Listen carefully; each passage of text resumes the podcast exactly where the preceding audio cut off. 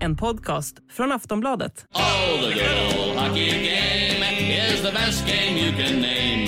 And the best game you can name is the... Hallå, hallå, hallå, hallå, hallå, hallå, hallå, hallå, hallå! Ja, nu har vi precis spelat in ett nytt avsnitt, jag och Bjurman av NHL-podden, det 369 i ordningen. Eh, och eh, ojämna avsnittsnummer innebär ju numera att det är plusavsnitt. Som ni hittar då i Aftonbladet eller Sportbladets app. Och vi har ju ett erbjudande eh, som innebär plus i två månader för en krona.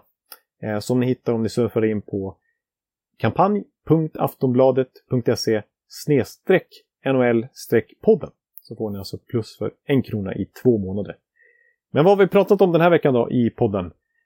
Ja, vi kommer bland annat in på Auston Matthews en hel del och hans extrema målsnitt den här säsongen. När vi spelar in står han på 54 mål på bara 65 matcher. Helt extremt.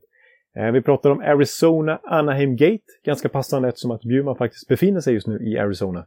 Efter att eh, Jay Beagle gav igen på Trevor Seagrass och sen ännu fulare på Troy Terry. För att han tyckte att de spelade för snyggt och fint där i den där 5-0-krossen där Anaheim var överlägsna mot Arizona. Jag tar faktiskt ut eh, Sveriges VM-lag som det skulle kunna se ut utifrån NHL-spelare som just nu befinner sig utanför slutspelsplats som kanske kan bli tillgängliga då att få åka till Finland. Så jag försöker göra Garpenlövs jobb redan nu, hur det potentiellt skulle kunna se ut. Eh, och så i slutet av podden så, ja det är ju månadsskifte här, det har blivit april.